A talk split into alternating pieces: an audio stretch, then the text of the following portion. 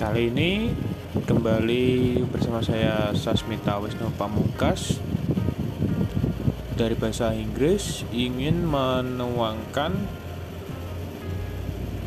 mengenai pemikiran-pemikiran Ki Hajar Dewantara di dalam proses pendidikan yang ada di Indonesia.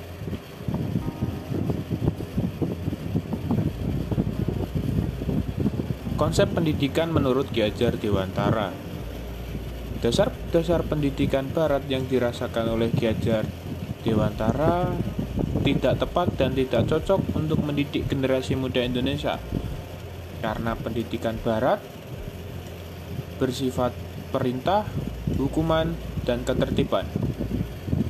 Menurut beliau, karakter pendidikan semacam ini merupakan suatu uh, bisa dibilang perkosaan atas kehidupan batin anak-anak. Akibatnya, anak-anak akan rusak budi pekertinya karena selalu hidup di bawah paksaan dan tekanan. Menurut beliau, cara mendidik semacam ini tidak akan bisa membentuk seseorang hingga memiliki kepribadian. Ki Hajar Dewantara juga menjelaskan tentang dasar jiwa anak dan kekuasaan pendidikan. Dalam hal ini, dasar jiwa yaitu keadaan jiwa yang asli menurut kodratnya sendiri sebelum ada pengaruh dari luar.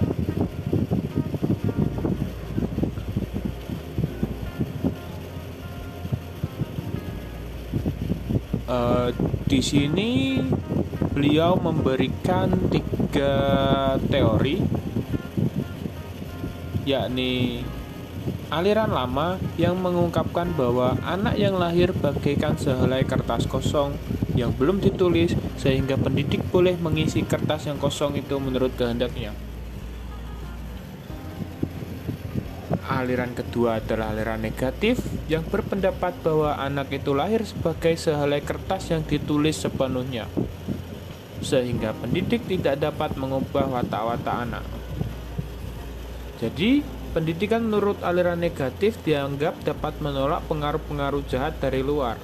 Akan tetapi, mewujudkan budi pekerti yang tidak nampak di dalam tubuh atau di dalam jiwa anak tersebut.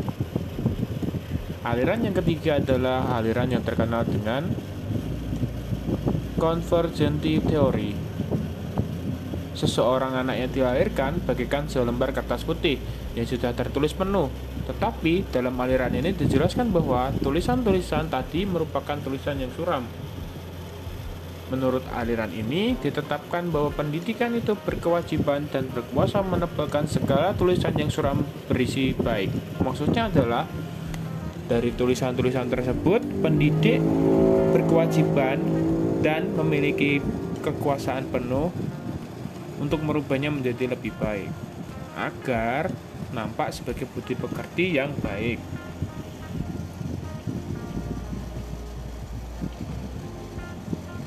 Berdasarkan konsep pendidikan yang dikemukakan oleh Gajar Dewantara, pertama, manusia Indonesia yang berbudi pekerti adalah memiliki kekuatan batin dan berkarakter. Artinya, diarahkan untuk meningkatkan manusia Indonesia yang berdiri teguh pada nilai-nilai kebenaran sehingga manusia di Indonesia dapat menyadari tanggung jawabnya untuk melakukan apa yang diketahuinya sebagai kebenaran. Ekspresi dari kebenaran ini dapat terlihat dari tutur kata, sikap, dan perbuatannya terhadap lingkungan alam, baik dirinya sendiri ataupun dengan sesama manusia.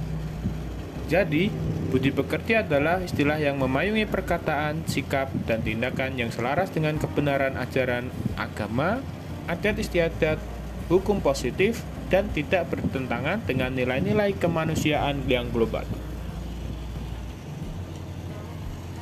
Kedua, manusia Indonesia yang maju pikirannya adalah yang cerdas kognisi atau tahu banyak sehingga melalui kecerdasannya itu dapat membebaskan dirinya dari kebodohan dan pembodohan dari berbagai jenis dan bentuk. Manusia yang maju adalah manusia yang berpikir tentang realitas yang membelenggu kebebasannya, kemampuan berpikirnya, serta menjadi oposisi dengan hal-hal yang membutuhkannya. Ketiga, manusia yang maju dalam aspek tubuh adalah manusia yang mampu mengendalikan tubuhnya, sehingga dengan tubuh yang maju, pemikiran maju, serta budi pekerti yang maju dapat memperoleh dukungan untuk mendeklarasikan kemerdekaan menjadi manusia yang merdeka dan memiliki keterampilan untuk mengisi kemerdekaan itu dengan segala pembangunan yang humanis.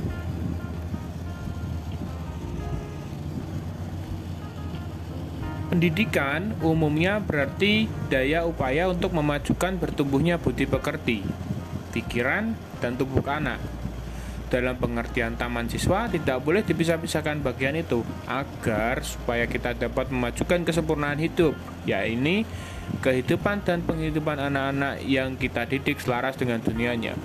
Maka dari itu harus memperhatikan hal-hal berikut ini. Yang pertama, pendidikan harus sesuai dengan kodrat atau keadaannya. Yang kedua, kodrat keadaannya itu tersimpan dalam adat istiadat setiap rakyat yang oleh karenanya bergolong-golong merupakan kesatuan dengan sifat perkehidupan sendiri-sendiri. Adat istiadat sebagai sifat perikemanusia sifat kehidupan, maaf saat maksud saya, atau sifat pencampuran usaha dan daya upaya akan hidup.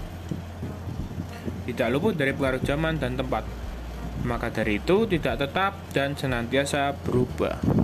Nomor 4, mengetahui garis hidup dari mempelajari zaman yang telah berlalu sekarang sehingga dapat membayangkan zaman yang akan datang. Yang kelima, percampuran karena percampuran bangsa. Hal ini terjadi oleh adanya hubungan modern. Maka dari itu, kita harus waspada dalam memilih mana yang baik untuk menambah kemuliaan hidup atau malah merugikan. Hal ini harus dilandasi dengan senantiasa mengingat bahwa semua kemajuan ini merupakan anugerah dari Tuhan untuk segenap seluruh manusia di dunia ini.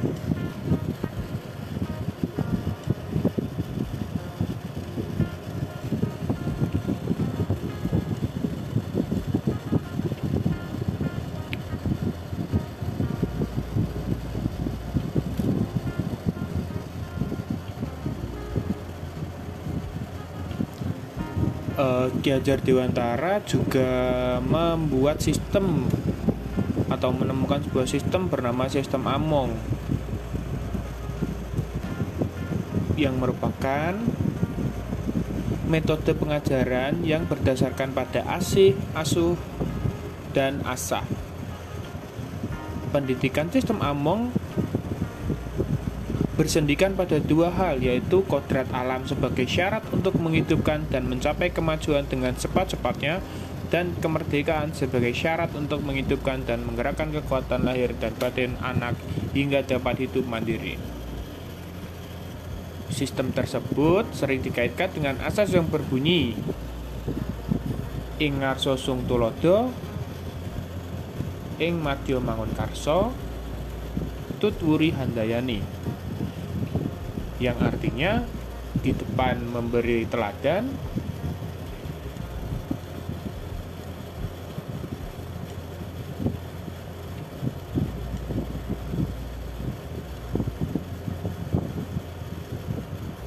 di tengah memberi semangat di belakang mengikuti dengan baik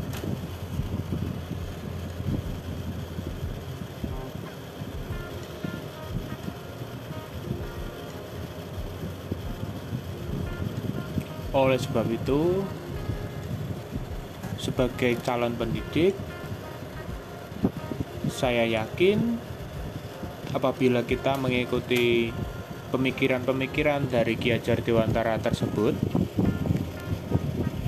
insya Allah kita akan dapat melahirkan calon-calon penerus generasi bangsa yang mandiri, yang berwawasan global, yang mempunyai kebudayaan yang luhur, baik, serta berbakti kepada nusa dan bangsa Indonesia. Oleh sebab itu, kita sebagai calon pendidik harusnya terus mempelajari dan menyalurkan semua pemikiran-pemikiran baik dari beliau agar terwujudnya cita-cita bangsa Indonesia menjadi negara yang maju, mandiri, dan dapat membantu sesama. Terima kasih.